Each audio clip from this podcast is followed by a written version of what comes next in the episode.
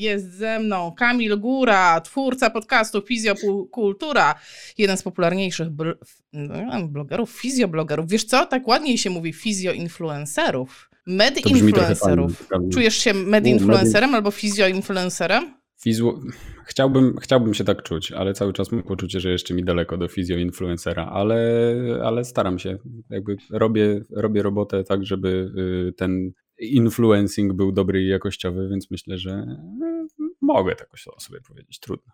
Dla wszystkich, którzy nie znają Kamila, to już Wam tutaj wklejam na czacie link do podcastu. Podcast się nazywa Fizjokultura. I ja tak wiesz, pod, pod, podglądam Cię, a jak, a jak, trzeba sprawdzać konkurencję. Tam ładnie ciśniesz z odcinkami. Ładnie. No, ostatnio była przerwa, trzy tygodnie nie było jakiejś tam przestrzeni na odcinki, ale no staram się, staram się. Jednak wiesz, tu podcast, w sensie ten mikrofon cały czas nade mną wisi y, w, salon, w, w sypialni, więc cały czas jest, cały czas patrzy, cały czas pilnuje, więc no tak, te trzy tygodnie były taką jedną dłuższą przerwą, ale staram się jednak wrzucać regularnie.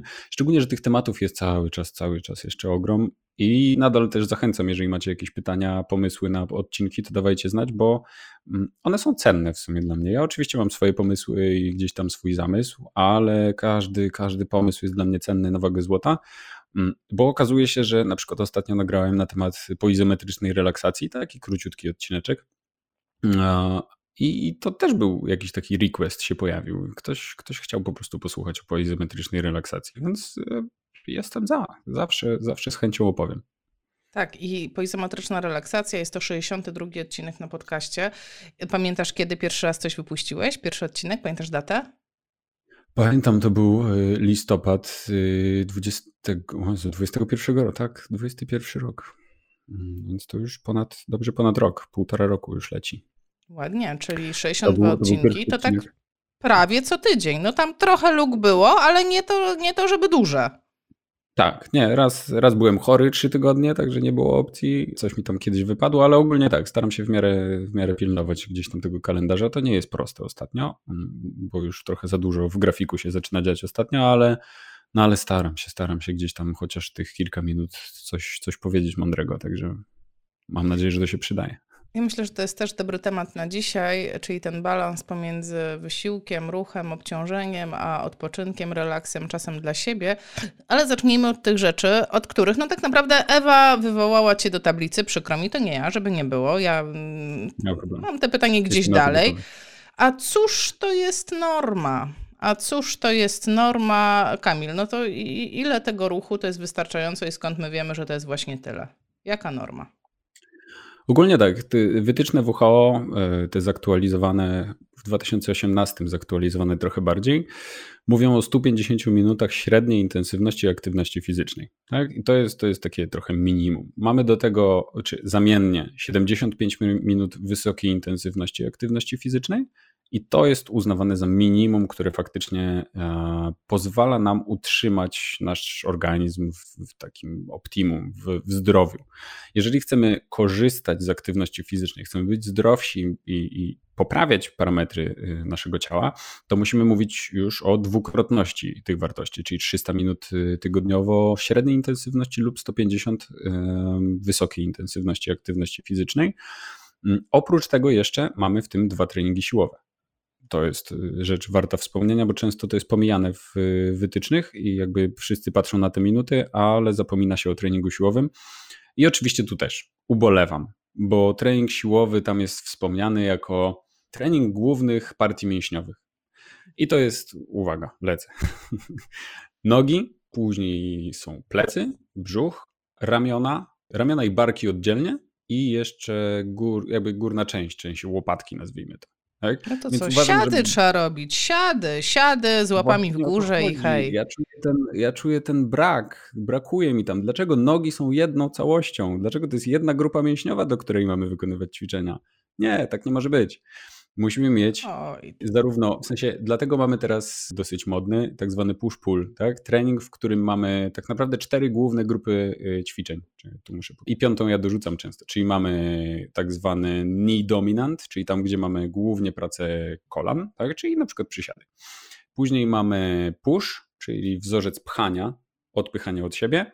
Mamy wzorzec pull, czyli przyciąganie I później mamy wzorzec y, biodra, czyli na przykład martwe ciągi, unoszenia bioder, glute bridge, hip trusty, y, swingi, ketlem, to już co tam sobie wymyślimy, mm, możemy w to wrzucać. I do tego jeszcze ja dorzucam często core, jako taką dodatkową grupkę e, ćwiczeń. Nie mówimy tu o core stability, żeby nie było, ale mówimy tutaj po prostu o ćwiczeniach dla mięśni tułowia. No dobra. Jest Dobra, czekaj, czekaj, czekaj, czekaj, bo tutaj wiesz, poszedłeś daleko, a ja jestem jeszcze na takim pytaniu. No dobrze, hmm. aktywność o poziomie wysokim albo średnim. Jak ty to tłumaczysz pacjentom albo swoim klientom?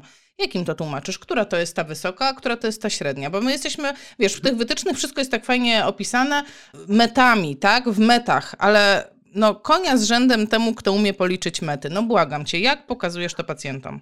Jak to tłumaczysz? Tak, mety są straszne. Mety są straszne i ja też z metami mam ten problem, że nigdy nie pamiętam, co to jest, ale przygotowałem się, także pamiętam teraz. To jest 3,5 ml tlenu zużywanego na kilogram masy ciała w ciągu minuty. E, ogólnie jeden met to jest sytuacja, w której jedna osoba siedzi w ciszy, bez mówienia czegokolwiek, po prostu siedzi przez minutę. To ja. To jest jeden met. To tak? ja teraz. Okej, okay. No właśnie. Jak słuchasz, to wtedy jest jeden metr. Jak zaczynasz mówić, to jest 1,2. Więc ogólnie jeden metr to jest punkt wyjściowy dla nas, jeżeli chodzi o zachowania sedentaryjne, jak to się pięknie nazywa, czyli właśnie ten siedzący tryb życia. I ogólnie wszystko, co jest poniżej 1,5 metra, jest uznawane właśnie za ten siedzący tryb życia. Czyli tak naprawdę jak stoimy, to wcale nie zużywamy więcej niż półtora meta. Więc można by takie stanie i nic nie robienie wrzucić trochę w grupę siedzącego trybu życia. Oczywiście nie do końca, bo nie taka jest definicja, ale tak naprawdę mm, ten, tego metu, tych metów jest za mało. Wszystko, co jest poniżej półtora, to jest siedzący tryb życia, o tak to nazwijmy. 1 i 8 na przykład to jest ścieranie kurzy z półeczek. Sprzątanie już jest jakąś aktywnością fizyczną, tak? Już możemy ją powoli wrzucać w tą grupę. Oczywiście, y, jeżeli chodzi o wytyczne, tak, tą średnią intensywność, aktyw y, intensywną aktywność fizyczną, ja najczęściej tłumaczę to w ten sposób, że średnia intensywność to jest tam, gdzie lekko podnosi nam się tętno, gdzie zaczynamy czuć, że coś w ogóle robimy. Tak? To jest raz. A wysoka intensywność to jest tam, gdzie trochę zaczyna nam brakować tchu, tak? Czyli zaczynamy mieć przyspieszony oddech, mamy na pewno przyspieszone tętno już od jakiegoś czasu. Więc intensywna aktywność fizyczna to jest po prostu tam, gdzie ciężej jest nam utrzymać konwersację, na przykład z kimś, jak biegniemy, tak? To ta intensywność wyższa to jest już wtedy, kiedy nie jesteśmy w stanie płynnie rozmawiać. A jeżeli mówimy o średniej intensywności, to jesteśmy faktycznie w stanie rozmawiać na bieżąco i po prostu mamy szybszy marsz, czy mamy szybszy bieg, jakiś mały jogging, to jest y, ta średnia intensywność. I tak naprawdę, tak, tak uczciwie rzecz ujmując, dla ludzi na co dzień, czy to ma duże znaczenie? Wydaje mi się, że nie, bo i tak nigdy nie trzymamy się ani samej średniej intensywności, ani samej wysokiej intensywności. Zawsze w tygodniu mamy miks dwóch różnych e, e, tych, tych elementów, więc mierzenie średniej intensywności czy wysokiej intensywności jest trochę bez sensu. Chyba, że mamy device'y, wearable, które mocno nam pomagają. Właśnie, Aura też y, dobrze się sprawdza. Nie? Więc tak naprawdę mamy te, te device'y i co ciekawe, mam pacjenta, który ostatnio obronił doktorat, mając 50 7 lat z tego co pamiętam, właśnie na temat wearabli i też monitorowania aktywności fizycznej. Okazuje się, że one są zupełnie dobrym narzędziem w tej chwili do monitorowania aktywności fizycznej, że już na tyle są sprawne, że faktycznie mm, dają nam bardzo konkretny ogląd na to, co się, e, co się faktycznie dzieje w naszej aktywności fizycznej. Więc myślę, że mogę powiedzieć z czystym sumieniem, że te wszystkie opaski, które nosimy, naprawdę mają sens. No dobrze, ale w jaki sposób przełożyć z tej opaski um, informację, czy ja spełniam te wytyczne WHO? No bo tutaj się czepiamy troszeczkę tych wytycznych i wiem, że to jest e, trochę takie sztywne i ktoś słucha, ojej, mm. Boże, jakieś trudne w ogóle rzeczy, 150 minut mhm. aktywności, kto by to liczył? No właśnie, Kamil, kto by to liczył? To jest 150 minut aktywności o średnim nasileniu w skali tygodnia. No to co to jest? No w skali tygodnia mamy 7 dni, 150 minut, e, no to to jest 3 e, razy po 50 minut y, spacer. Tak, takim, przykład. wiesz, Dokładnie. takim troszeczkę żwawszym tempem, nie? Taki nie po galerii, tylko taki spacer, faktycznie. No, no a zobacz, a ten po galerii bardziej mnie wymęczy. Ja jestem wykończona po galerii, a po spacerze, nie wiem, wzdłuż Wisły jestem zadowolona, wypoczęta. No właśnie, widzisz, bo to jest lepszej jakości aktywność fizyczna.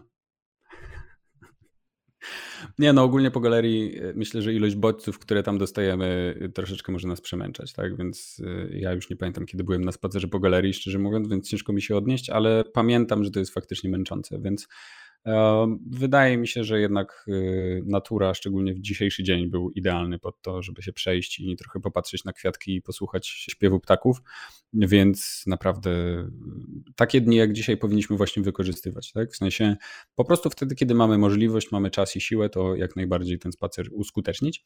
Ogólnie, no właśnie, zaraz przejdziemy do samych przekąsek, ale jednym z pomysłów, który często powtarzany, jest y, wysiąść wcześniej, e, przystanek wcześniej z autobusu, jakby, tak, i dojść ten kawałek do, do domu.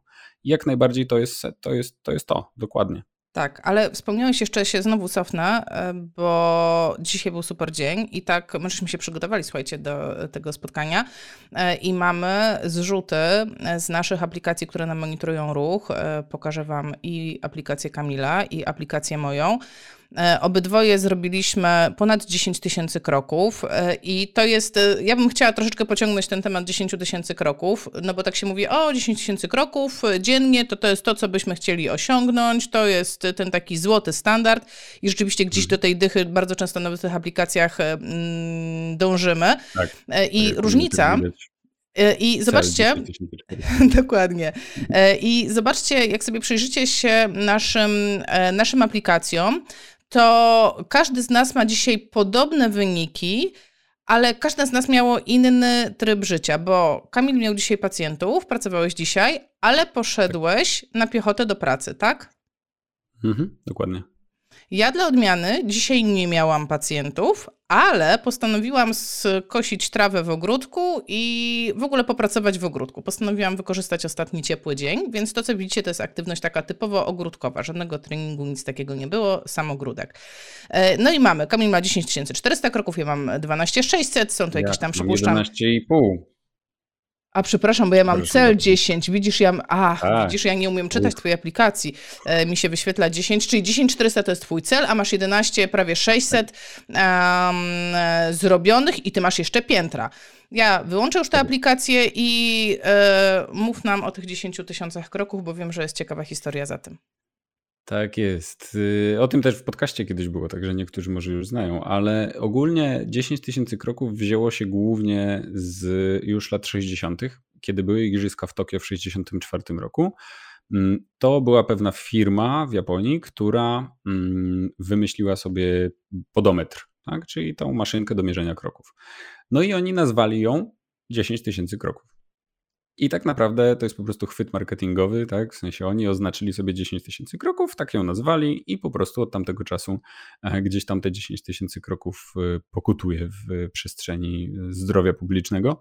I tak naprawdę, jeżeli spojrzymy na te kroki, mm, to to jest dosyć ciekawa krzywa, co ona przypomina. W sumie nie mam zielonego pojęcia, co ona przypomina, ale mm, ogólnie korzyści takie zauważalne korzyści prozdrowotne zaczynają się od, już od powyżej 3,5 tysiąca kroków dziennie. Czyli to jest pewne minimum, które faktycznie powinniśmy dziennie wypełniać.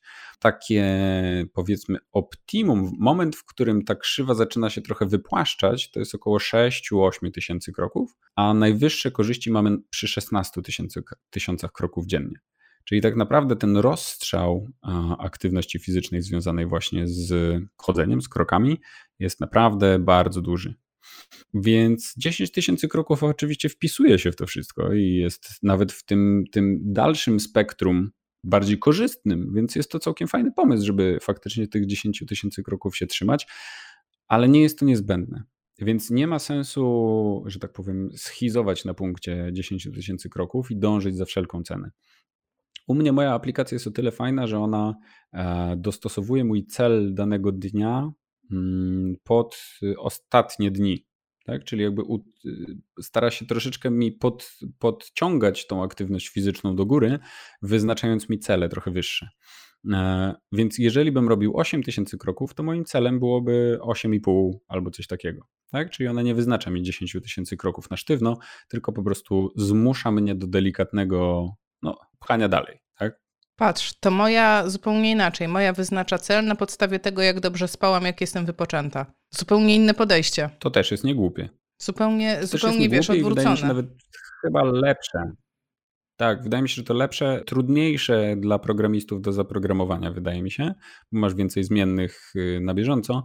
U mnie on po prostu patrzy, co było ostatnio i y, dorzuca sobie trochę więcej, nie? więc to trochę co innego. Mm, ale bardziej pod tym kątem po prostu programistycznym, nazwijmy to. Ale wydaje mi się dużo sensowniejszy, bo faktycznie każdy e, ten element z kubka, tak zwanego przelewającego się kubka, o którym zawsze mówię i mam nadzieję, że Mariusz też tu jest, on na pewno już westchnie bardzo głęboko bo słyszę o tym codziennie, kilka razy dziennie, to sen, dieta, aktywność fizyczna właśnie poprzednich dni, to wszystko będzie miało wpływ na nasze możliwości fizyczne danego dnia. Tak? Czyli jeżeli wczoraj zrobiłem jakiś mocny trening, no to ciężko, żebym dzisiaj zrobił tyle samo albo więcej. Tak? Więc nie mogę oczekiwać od swojego ciała, że ono cały czas będzie tylko jeszcze bardziej, jeszcze więcej i tak dalej. Tak? To nie jest jakby taki, to nie jest, nie wiem, dobrze przędąca firma, która z miesiąca na miesiąc musi coraz więcej przynieść zysków. Nie?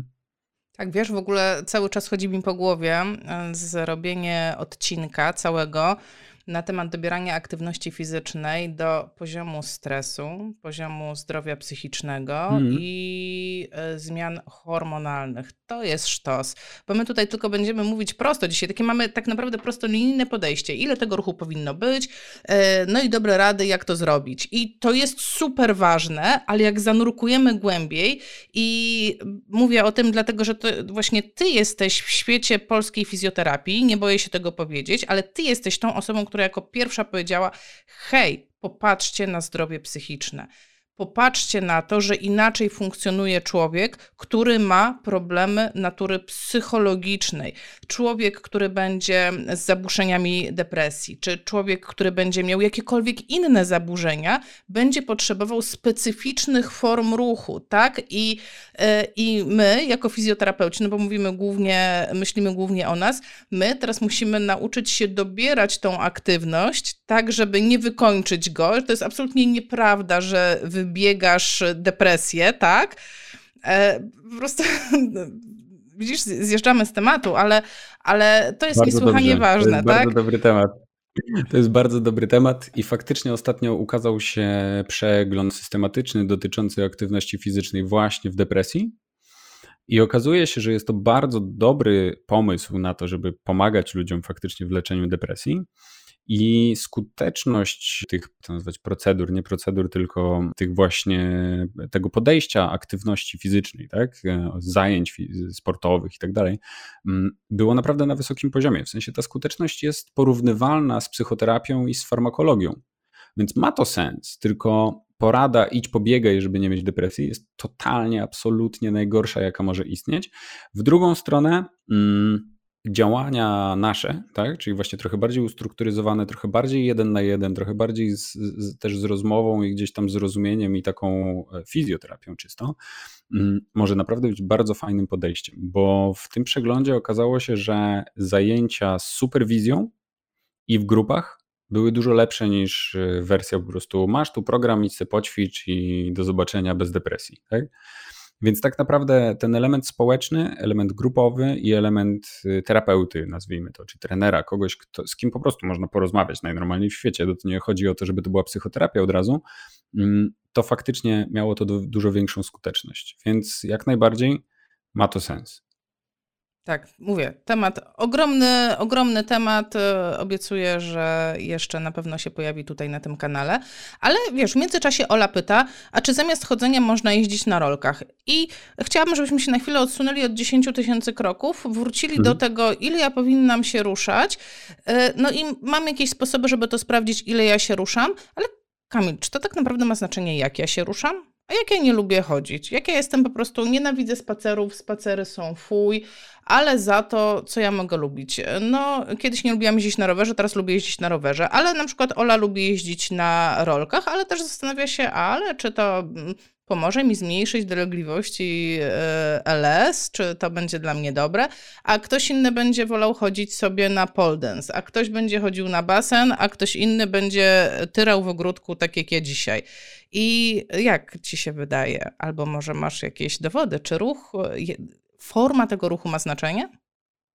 Nie, forma ruchu nie ma żadnego znaczenia. tak naprawdę potrzebujemy po prostu podwyższenia tętna albo właśnie yy, braku, braku oddechu, w sensie yy, zadyszki, o tak to nazwijmy. Tak?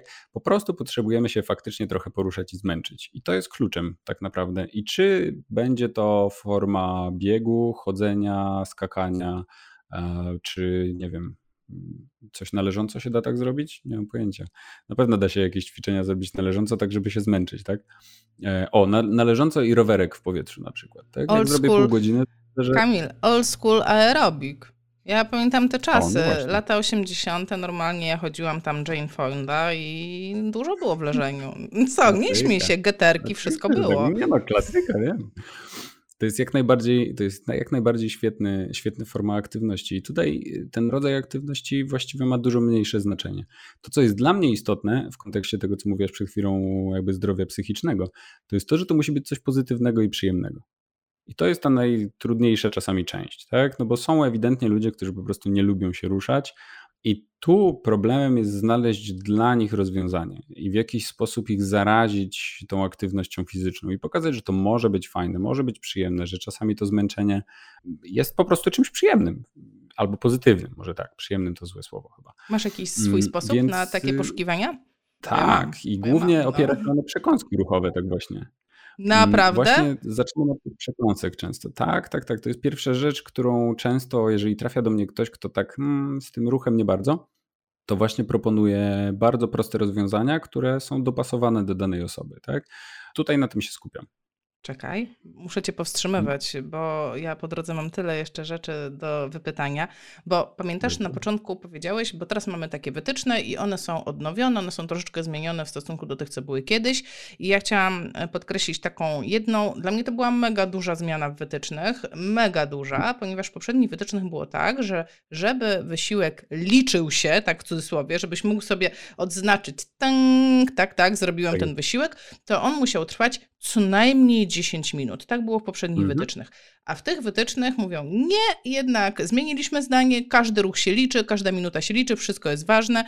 I czy ta twoja idea przekąstek kruchowych, czy ona się wpisuje w te 10 minut, czy właśnie uważasz, nie, podążajmy za tymi nowymi wytycznymi, niech to będzie choćby minuta. Opowiedz w ogóle, hmm. czym jest ta przekąska ruchowa? O co chodzi? Bo wiesz, no, y, ja wiem, że jesteś gwiazdą, ale są ludzie, którzy mogą nie wiedzieć. No, naprawdę. Nie, no jasne. Ogólnie przekąski ruchowe to jest w ogóle bardzo fajny, uważam, element fizjoterapii. To jest dosyć nowe też, bo tak naprawdę pierwszy raz gdzieś tam to określenie, czego muszę sprawdzić, bo nie pamiętam, to było 2007 2007 rok, kiedy pojawiło się gdzieś tam w Stanach e, po prostu artykuł temat ruchu i aktywności fizycznej i właśnie tam pojawiło się pierwszy raz to hasło przekąsek ruchowych. Z kolei w badaniach pierwszy raz opisany w ogóle w 2014 roku dopiero, także tak naprawdę jest to dosyć nowe, mm, wiedząc, że to przenoszenie wiedzy ze świata nauki do praktyki trwa no te 10-15 lat, to tak naprawdę to jest świeżynka. Mm, większość gdzieś tam tych badań, które kojarzę, to jest 2016-17 rok. Tutaj też mam link dla Was do fajnego podsumowania właśnie tych badań, które mamy na bieżąco. Mm, to jest 2001 z tego co pamiętam rok. Albo drugi. A czego szukać? 2022.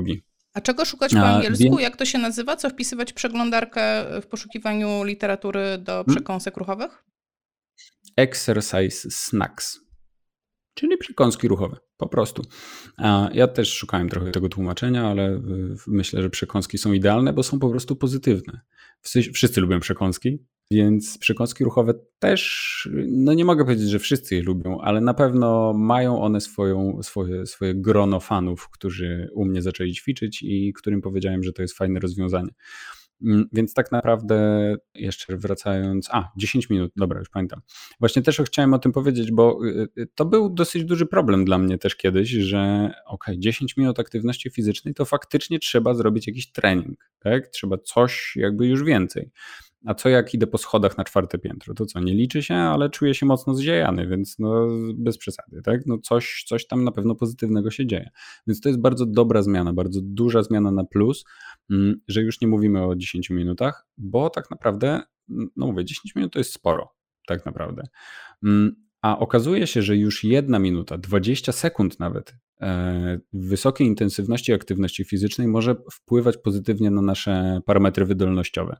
Więc 20 sekund sprintu w miejscu, 20 sekund sprintu na rowerze stacjonarnym, 20 sekund y, wbiegania po schodach. W sensie to nie musi być wbieganie w sensie sprint po schodach, tylko po prostu szybkie wejście po schodach. I to już będzie wpływało pozytywnie na nasze ciało. I tu nie mówimy też o próbach i badaniach, które trwały, nie wiem, 12 tygodni, tylko mówimy o 6 tygodniach mm, takich, y, takich, może trochę więcej tam było niż te 20 sekund dziennie, ale na przykład to było 6 minut w seriach, w sensie to było minuta aktywności fizycznej, minuta przerwy, minuta aktywności, minuta przerwy i tak 6 minut, czyli mieliśmy trzy serie po minucie po prostu aktywności fizycznej trzy razy w tygodniu.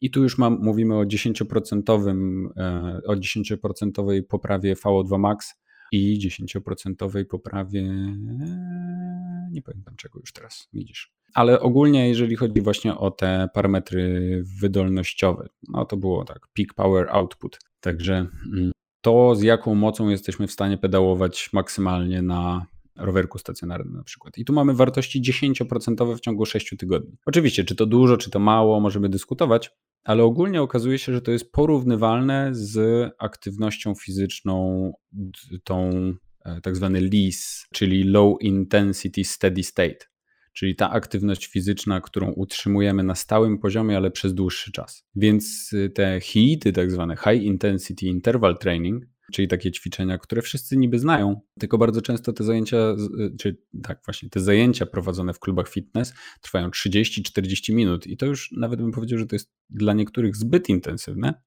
ale jeżeli to skrócimy sobie do 6 minut, 8 minut, tak jak oryginalnie Tabata to proponował, który wywodzi się z Japonii zresztą, mm, który proponował 30 sekund pracy, 30 sekund przerwy i tak y, przez 8 minut, tak? Mm, czyli mamy tak naprawdę cztery serie in, wysokiej intensywności aktywności fizycznej, to wiemy, że te parametry już są wystarczające, żeby faktycznie bardzo pozytywnie wpływać na nasze ciało. Jak zwykle, po co robić więcej, skoro można robić mniej? Super, wiesz co? Kupuję totalnie ten pomysł. Mam taką myśl, że można hmm. na to spojrzeć z dwóch stron. Bo kiedy mówiłeś o tym, że e, spróbujesz dać pacjentowi właśnie te przekąski, i jak rozumiem, idea jest taka: dam ci kilka przekąsek, być może znajdziesz coś fajnego dla siebie. Dokładnie tak. A zobacz, jak teraz ugryziemy tą rzecz od drugiej strony, no bo mogę mieć tak. Nic nie lubię robić, nie cierpię ruchu, ruch jest okropny, fujka i mogę zrobić coś, co lubię, czyli najpierw proces w głowie, bo ja zupełnie inaczej podchodzę do tego problemu. Ja na przykład mówię, słuchaj, mm. weź sobie telefon, poskroluj sobie TikToka, Instagram, co tam lubisz i znajdź coś, coś, co ci się podoba mentalnie. Na początku tylko tym kciukiem poruszaj i zobacz, co mentalnie ci się spodoba, może zrobisz to. Czyli mój proces myślenia jest lubię, czyli robię, ale twój może być jeszcze lepszy, bo zrobię, w międzyczasie dostanę edukację, że co bym nie zrobiła, to jest dla mnie super, to nie jest za mało, to nie jest niebezpieczne, to jest cool, łącznie z takimi rzeczami typu to jest coś, co ja robię, e, ale robię, żeby sobie poradzić mentalnie, tak? Parkowanie pod marketem.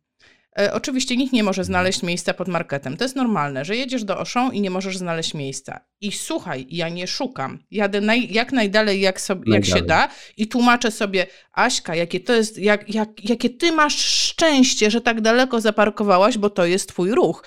I rozumiesz, odwracam sobie tą sytuację dla swojego zdrowia psychicznego, ale to jest ta sytuacja, o której ty mówisz. Najpierw zrób, a potem może się okazać, że będziesz to lubić, że generalnie spodobać. Hmm, w sumie to fajne, wszyscy się tłoczą, a ty sobie tam, tam, taram, tam idziesz, e, czy tak jak mówisz, wszyscy się tłoczą w tym autobusie, a ty sobie przystaneczek wcześniej, ptaszki śpiewają, jest ekstra, a może pada deszcz, masz parasoleczkę, idziesz, e, rozumiesz, e, singing in the rain i w ogóle jest ekstra.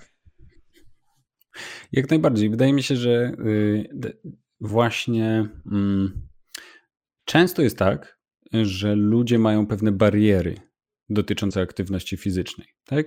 Bariera numer jeden, to o której mówiliśmy, to jest właśnie to, czy lubię, czy nie lubię. Okej, okay, to jest ta najtrudniejsza bariera, bo ona jest u nas wewnątrz, u nas w środku.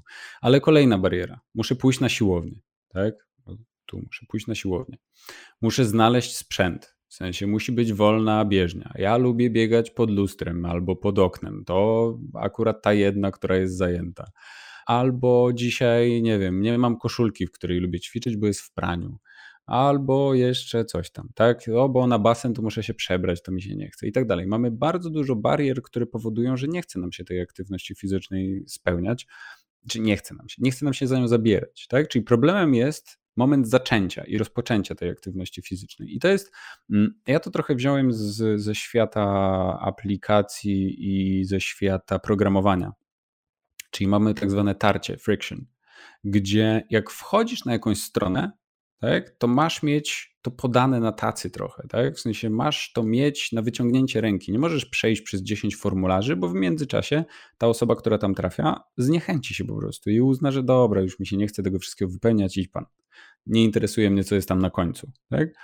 A tutaj chodzi o to, żeby to skrócić maksymalnie, czyli okay, masz po prostu wstać z krzesła, a i tak wstajesz, bo idziesz do łazienki, to dlaczego nie zrobisz pięciu przysiadów już, tak? Albo dlaczego nie możesz pójść na przykład do tej łazienki w biurze na innym piętrze po prostu i pójść po schodach kilka schodów, tak? Mamy to jest takie... genialne. Kamil, to jest tak. genialne. Słuchajcie, jeżeli macie pacjentów, którzy w biurze pracują, bo wiesz, jaki jest problem w biurze? Że cały czas jesteś zarobiony, że cały, jak jesteś w takim, e, czy w open office, czy w takim workspace, gdzie po prostu przechodzisz na przykład koło gabinetu szefa, albo generalnie jak gdzieś idziesz, to znaczy, że już nic nie robisz. To taka wycieczka do to może być na drugie piętro, to może być taki twój czas wolny. My no. oczywiście no. nikogo nie namawiamy do przeciągania czasu wolnego u swojego pracodawcy. Ale jeżeli jest fizyczną, to jak najbardziej namawiamy. Bo zwiększy to waszą efektywność później. O, Ale patrz, to jest genialne, to jest genialne. Jakbym była w biurowcu, już bym chodziła na drugie piętro. Wiesz, że o, jeszcze taką ciekawostkę powiem. E, pisałam kiedyś artykuł, możecie go znaleźć. On jest na stronie e, Znajdź Fizjoterapeutę i to był artykuł o siedzibie Amerykańskiego Stowarzyszenia Fizjoterapeutów. Oni mają po prostu najstarsze stowarzyszenie na świecie, no są totalnie wypasieni i mają nową siedzibę i ona jest tak zaprojektowana, żeby zachęcała do ruchu. Czyli o. windy są schowane gdzieś tam za winglem. Żeby dojść do windy, to musisz po prostu kluczyć labirynt, ale schody za to, za to są takie wypasione, że chcesz nimi iść, bo one mają taki widok, że ty po prostu wiesz, drżysz do tego, żeby pójść i czuć się jak król na tych schodach. I cały budynek jest tak zaprojektowany, żeby ludzie jak najwięcej się ruszali. No po prostu nieprawdopodobne to jest. No i właśnie o to chodzi. Jakby tego nam brakuje, tak? Faktycznie windy są zawsze na wierzchu, są bardziej gdzieś tam wyeksponowane i tak dalej. Żeby pójść na schody, to musisz przebić się u mnie. To w ogóle w bloku jest tak, że trzeba się przebić przez dwie warstwy takich y, przeciwpożarowych, ciężkich drzwi, które jeszcze się jedne otwierają na drugie, że zawsze tam coś haczy o siebie i tak dalej. Także same przeszkody tak naprawdę. No ale z drugiej strony, no ja mieszkam na trzecim piętrze, więc trochę głupio cały czas tą windą jeździć, tak? Mhm, ale no wiadomo, będą ludzie, którzy nie mają tego gdzieś tam w głowie, tak? Jakby jest winda, to jest winda. No nie, nie ma co chodzić po schodach, tak? I kombinować. Ale tutaj mm, właśnie to jest kwestia znowu y, troszeczkę takiej kreatywności i inwencji i wynajdowania akurat tego, co u danej osoby jest możliwe. Mhm, więc ja bardzo często dużo pytam też o to, jak, jak pracujesz, gdzie pracujesz, a czy masz możliwość wstać i zrobić, a czy możesz się położyć na podłodze i coś zrobić, a czy może e, możesz właśnie, nie wiem, znaleźć jakąś przestrzeń, która jest spokojna, bo są też miejsca, które, e, w sensie biura, które mają te chill-out roomy albo jakieś przestrzenie do ćwiczeń. Czasami mają sprzęt do ćwiczeń też. Już pomijam, że niektóre mają siłownię w ogóle u siebie. Mm, więc mamy całe mnóstwo, mnóstwo rzeczy. I teraz to, co jest jeszcze ważne, to to, żeby przemówić ludziom troszeczkę mm, i powiedzieć, że ej, spokojnie, ty nie potrzebujesz 45 minut treningu. Ja wiem, że kiedyś tak mówiono, że 45 minut to jest dopiero moment, w którym zaczyna spalać się tkanka tłuszczowa, tak? Dobrze mówię? To było 45 było albo godzina. Tak. Nieważne. To jest obojętne, tak? To nie ma żadnego znaczenia. Żadna tkanka tłuszczowa nam się nie spala w trakcie treningu. To jest absolutnie. Ej! Ej! Eee. No, sorry, bardzo mi przykro. No. To nie jest tak, że jak robisz sobie yy, ten zgięcie do boku z obciążeniem, to ci się boczki spalają. No, bardzo mi przykro, niestety. To jest bardzo wartościowe ćwiczenie, bardzo często je wrzucam, ma duży sens i tak dalej, ale niestety. Niestety, jeżeli chodzi o tkankę tłuszczową, to deficyt kaloryczny plus aktywność fizyczna, która pogłębia nam deficyt i to jest tylko i wyłącznie tyle. I czy zrobimy jakieś celowane, w cudzysłowie, ćwiczenia na y, tłuszcz na brzuchu albo gdzieś tam indziej, no niestety, to tak nie działa. Także y, nie jest to aż tak proste. Jakby było, to nie mielibyśmy pracy. No. Ale co działa? Co wiemy? Ostatnio, już nie pamiętam u którego z dietetyków czytałam, czy już u któregoś z trenerów, matko, już nie wiem u, u kogo, ale właśnie dokładnie to, o czym powiedziałeś, że to spalanie to nie tyle te treningi, co ten NIT, czyli ta podstawowa aktywność fizyczna, czyli wszystko to, co robimy cały czas. No, ale Kamil, to jeżeli teraz wprowadzasz sobie ileś tych przekąsek w ciągu dnia, to co, nie podwyższasz swojego NIT, czyli tego podstawowego poziomu spalania? Wiem o co chodzi, e, wiem o co chodzi, tylko właśnie NIT to nie do końca będą przekąski, to jest troszeczkę już bardziej w, w kierunku treningu. Także tutaj NIT jako taki um, z punktu widzenia gubienia tkanki tłuszczowej i tak dalej, no nie, nie, mogę powiedzieć, że jest marginalny oczywiście, ale to jednak jest y, bardziej ta podstawowa przemiana materii, nazwijmy to. To jest coś, co mamy i co i tak jest, to jakby nie ma to aż tak dużego znaczenia. My musimy dorzucać do tego jeszcze więcej. E, każdy ma inny nit oczywiście, ale to ile włoży do tego pieca e, i spali nitem plus jeszcze aktywnością fizyczną, to jest to, co jest dla nas istotne tak naprawdę. Tak? Czyli przekąski ruchowe są ponad to no to co one robią? To co ja mogę tymi przekąskami ruchowymi osiągnąć? No bo ja rozumiem, że ruch jest ważny, że ja mogę sobie te minutki tam liczyć, może przez y, u mnie w niektórych tam po tych schodach to ja się zziajam, ale to co? No to to jest wszystko, czy ja mogę coś więcej robić tymi przekąskami? I tu właśnie to jest wspaniałe, że przekąski są wspaniałe. Bo oczywiście, już wspomniałem, możemy poprawiać wydolność, tak? Jeżeli będziemy sobie na przykład wbiegać po tych schodach, czy inaczej, szybko wchodzić, tak? bo to nie jest wbieganie, że sprint, a, tylko to jest bardzo ładne słowo briskly, a, które oznacza taki właśnie żwawo. O, żwawo, wspaniałe słowo. Dobra, żwawo. Będziemy wchodzić po schodach. Mm, to to jest jedna forma i to będzie poprawiało naszą wydolność. Ok, to jest super. Druga rzecz, y, co jeszcze jest istotne, mm, to glikemia, cukrzyca i otyłość, tak? Czyli właśnie te parametry, mm, głównie jeżeli chodzi o insulinooporność i o glikemię, tak? Czyli o e, cukier we krwi. I wiemy, że aktywność fizyczna poprawia mm, parametry glikemii, ale oprócz tego właśnie ta aktywność fizyczna króciutka w formie przekąsek ruchowych też będzie działała bardzo pozytywnie. E, czyli na przykład zrobienie kilku przysiadów, czy tam minuta aktywności fizycznej powiedzmy po posiłku, będzie też pozytywnie wpływało na glikemię poposiłkową. Więc y, jak najbardziej takie proste rzeczy naprawdę działają na bardzo dużym poziomie w sumie. To nam się wydaje, że to jest 20-30 sekund czy minuta, ale to już wpływa na nasze ciało. I tu mamy trochę parametrów właśnie, w sensie parametrów, mamy trochę badań, które pokazują, że już po 20-30 sekundach e, tego sprintu mamy zmiany w obrębie naszego, naszej fizjologii. Więc najprostsze rzeczy już zaczynają działać. I dlatego ja też często lubię mówić, że mm, to nie jest kwestia tego, że lepiej jest zrobić cokolwiek, chociaż tą jedną minutę niż nic, tylko każda jedna minuta, którą dorzucisz do tego, jest jeszcze większą korzyścią, jeszcze bardziej z tego zyskasz. Czyli odwracam tą sytuację, bo y, wszyscy to znacie z całych social mediów, od wszystkich trenerów, że o, lepiej zrobić 5 minut treningu niż nie zrobić niczego. Nie, nieprawda. 5 minut treningu to jest mega dobry trening. I naprawdę Twoje ciało będzie super zadowolone, jeżeli zrobisz codziennie 5 minut treningu. Więc odwrócenie tej sytuacji też pomaga. Znowu patrzymy troszeczkę bardziej od tej psychologicznej strony. Ja jestem positive approach po prostu do szpiku kości i już mam siebie dość. Nie potrafię nikogo y, skrzyczeć, że nie umie krzyczeć, nie umie ćwiczyć i nie robi ćwiczeń i coś tam. Jakby ja mówię, super, ok, zrobiłeś jedno powtórzenie, to jest tak wspaniałe, że ja po prostu się rozpływam. Także e, nie potrafię. Wierzą? Kamil, ale wierzą? Jesteś autentyczny w tym? Tak. Wierzą. Dobrze. Niestety. Właśnie, właśnie ja potrafię bardzo chyba dobrze komplementować ludzi. E, mam wrażenie, że moje super, które bardzo często mówię, mam wrażenie, nie wiem ile, więcej niż tych kroków dziennie natrzaskałem dzisiaj, to, to, to jest takie szczere i faktycznie ze środka, więc y, oni faktycznie wierzą w to, co ja mówię. I, I, jakby w sensie ja nadal jestem szczery, nie chodzi mi o to, że ja kłamię i oni mi wierzą, żeby nie było, ale y, ja naprawdę uważam, że każde jedno powtórzenie zrobione w ciągu dnia to jest po prostu e, moje serce wtedy rośnie. Więc y, jak to przemnożysz przez liczbę pacjentów, którzy do mnie przychodzą, to moje serce jest już bardzo duże. No dobrze, ale ja tutaj będę Cię ciągnąć troszeczkę tak e, poważniej, bo jesteśmy w gronie fizjoterapeutów e, i ja mam takie poczucie, że cały czas mówimy o tym wysiłku aerobowym, tak? No bo cały czas pojawia się to tętno, mhm. cały czas pojawia się taka zadyszka, a czy to znaczy, że co? To, to, a, a siły ja nie zbuduję na przekąskami, nie wiem, nie poprawię zakresu ruchu, a może, wiesz, no nie każdy ma e, cele. No, widzisz, teraz no nie chciałabym wejść w cele treningowe, no ale mhm. WHO nie, mówi cele jasno. Treningowe jak najbardziej. Cele treningowe jak najbardziej mają tu sens, właśnie o to chodzi, bo co do, co do mobilności, rozciągnięcia i tak dalej, tu nie jestem pewien, bo to nie jest mój świat. Ja tam dużo mniej się interesuję mobilnością. Ja uważam, że siła jest matką wszystkich cech motorycznych, także jakby z tego wychodzimy. E, I tak naprawdę, mm, okej, okay, myślę, że mobilność też możemy budować. To jest w ten sposób.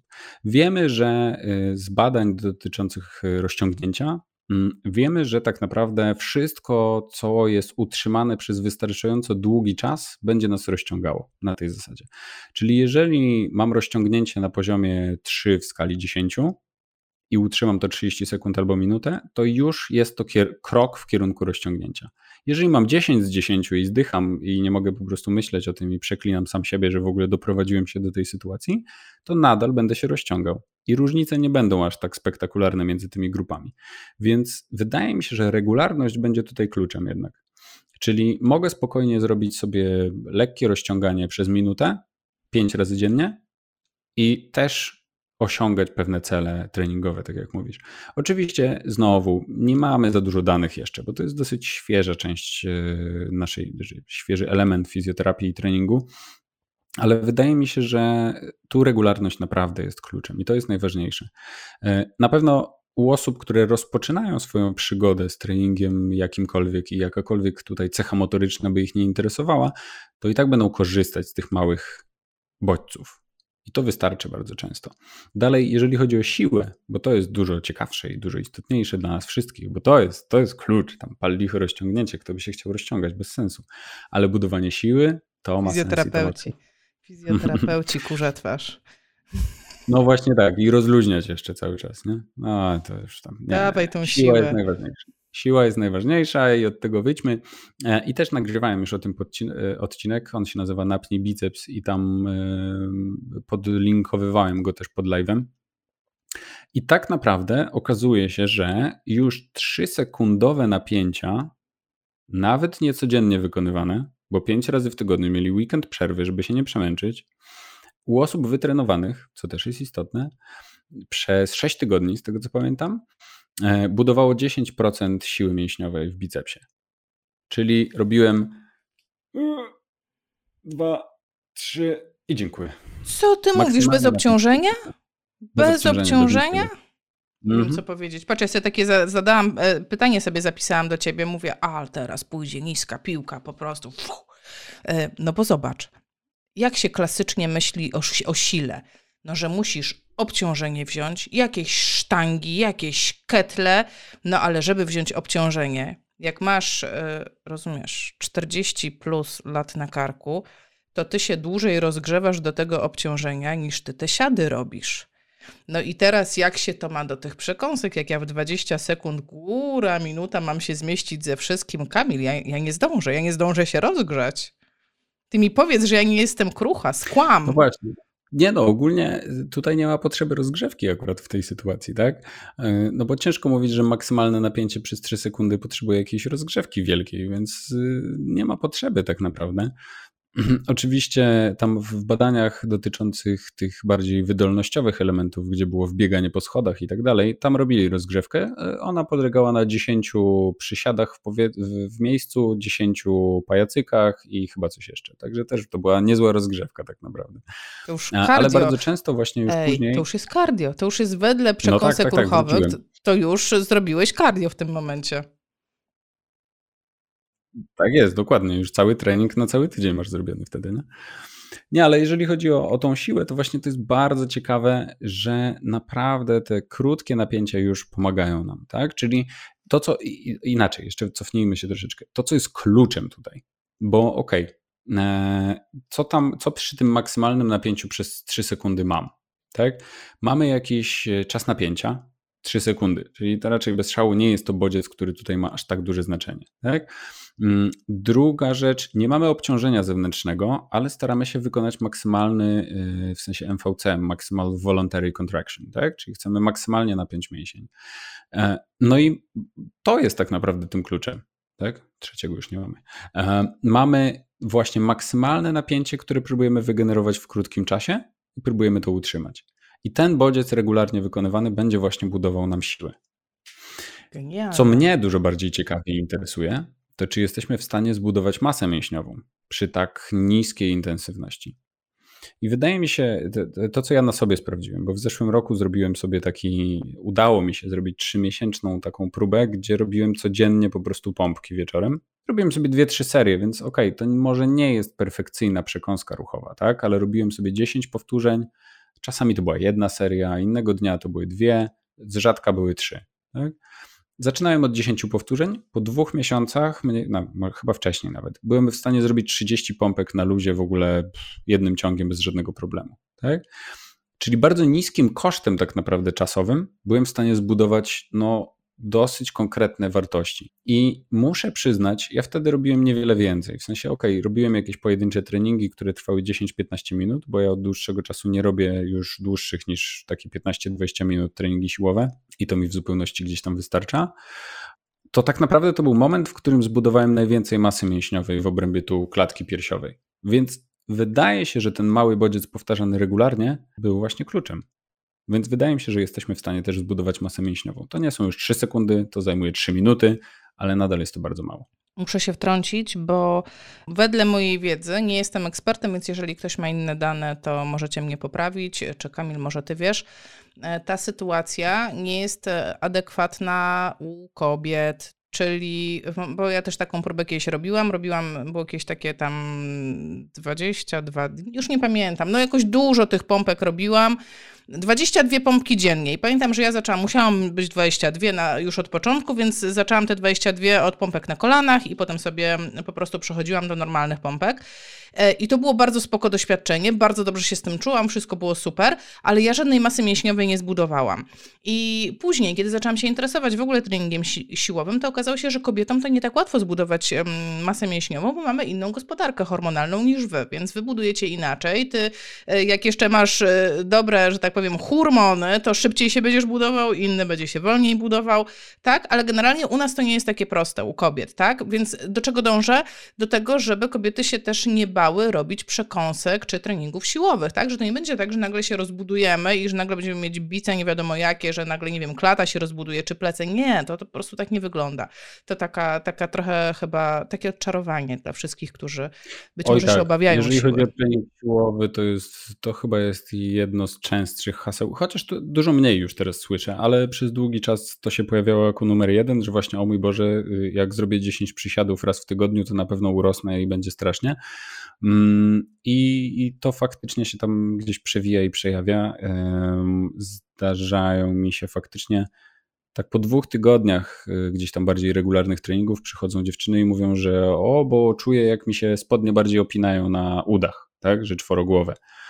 Mm, jakby powiedzmy sobie szczerze, no ryzyko, że zbudowała masę mięśniową kilku centymetrów w obwodzie, że nagle spodnie się nie mieszczą jest trochę minimalne, ja to bardziej zwalam, bo ja w ogóle jestem fanem neurologii, na po prostu układ nerwowy, tak? W sensie ruszyliśmy nagle mięśnie, których wcześniej nie czuliśmy, a ruszyliśmy nagle też nerwy w tej okolicy, nagle czujemy mięśnie, które pracują, więc też te spodnie później trochę inaczej czujemy na naszej skórze po prostu, tak? Bo w dwa tygodnie zbudowanie masy mięśniowej, nawet tej tam sarkoplastycznej, czy jakichś innych substancji międzykomórkowych, że nam się objętość zwiększyła, no nie, nie, nie, takich rzeczy nie ma na tym świecie.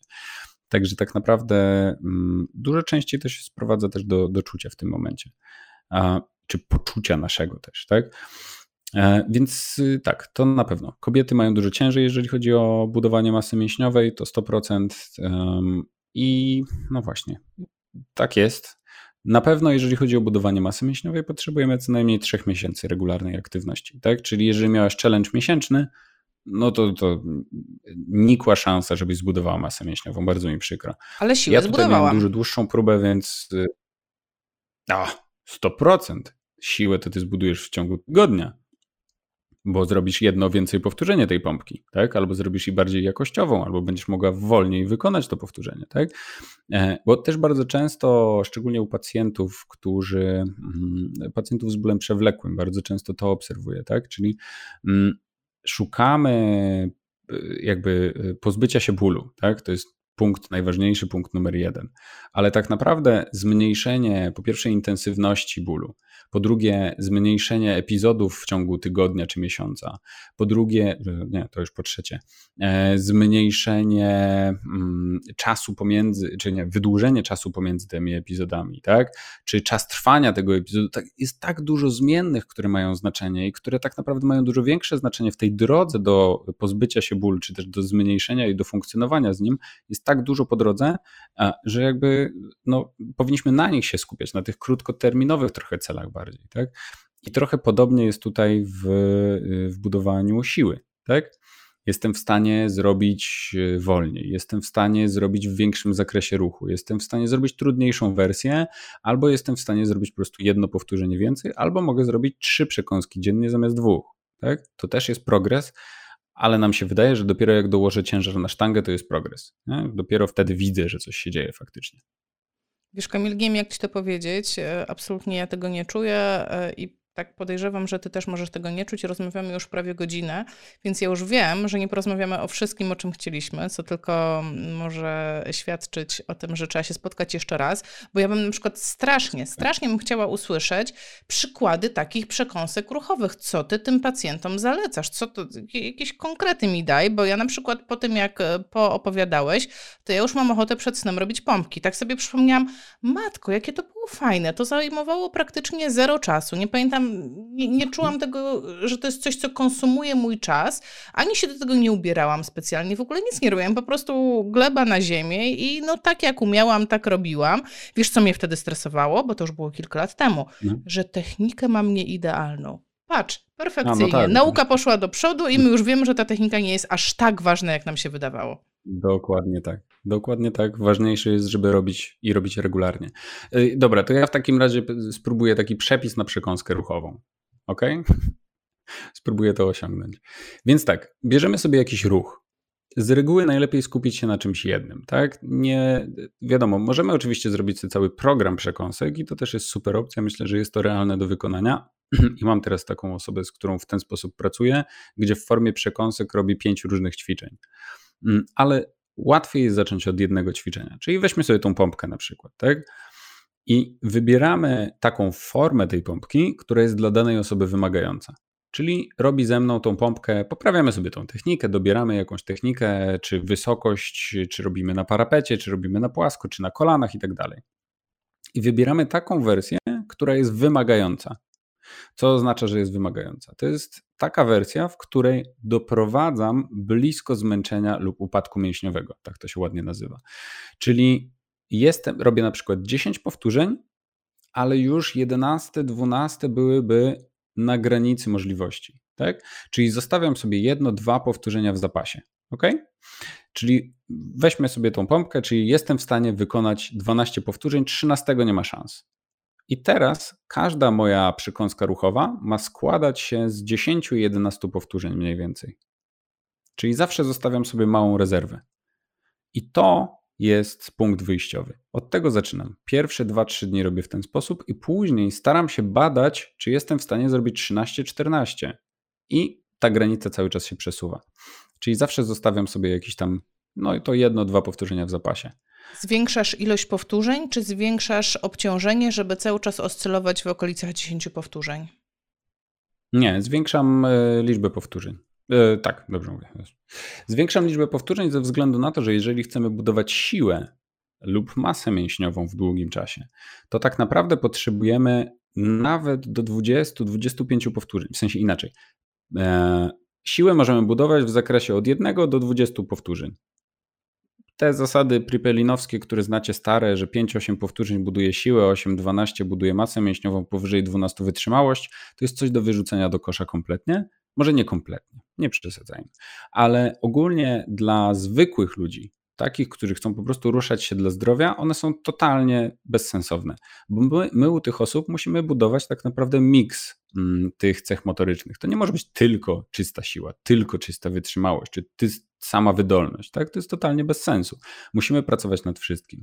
Dlatego wybieramy sobie jeden ruch, jedno ćwiczenie, które jest wymagające, o tak to nazywam. Czyli z reguły właśnie mm, czuję, że coś robię, tak? Jest to dla mnie trudne, w sensie właśnie trudne, wymagające bardziej, tak? Potrzebuję wysiłku, żeby wykonać tą liczbę powtórzeń. Ewentualnie jestem blisko upadku mięśniowego. I to jest jedna przekąska. I takich przekąsek staram się robić 3, 4 to jest minimum. Ja lubię mówić o 10.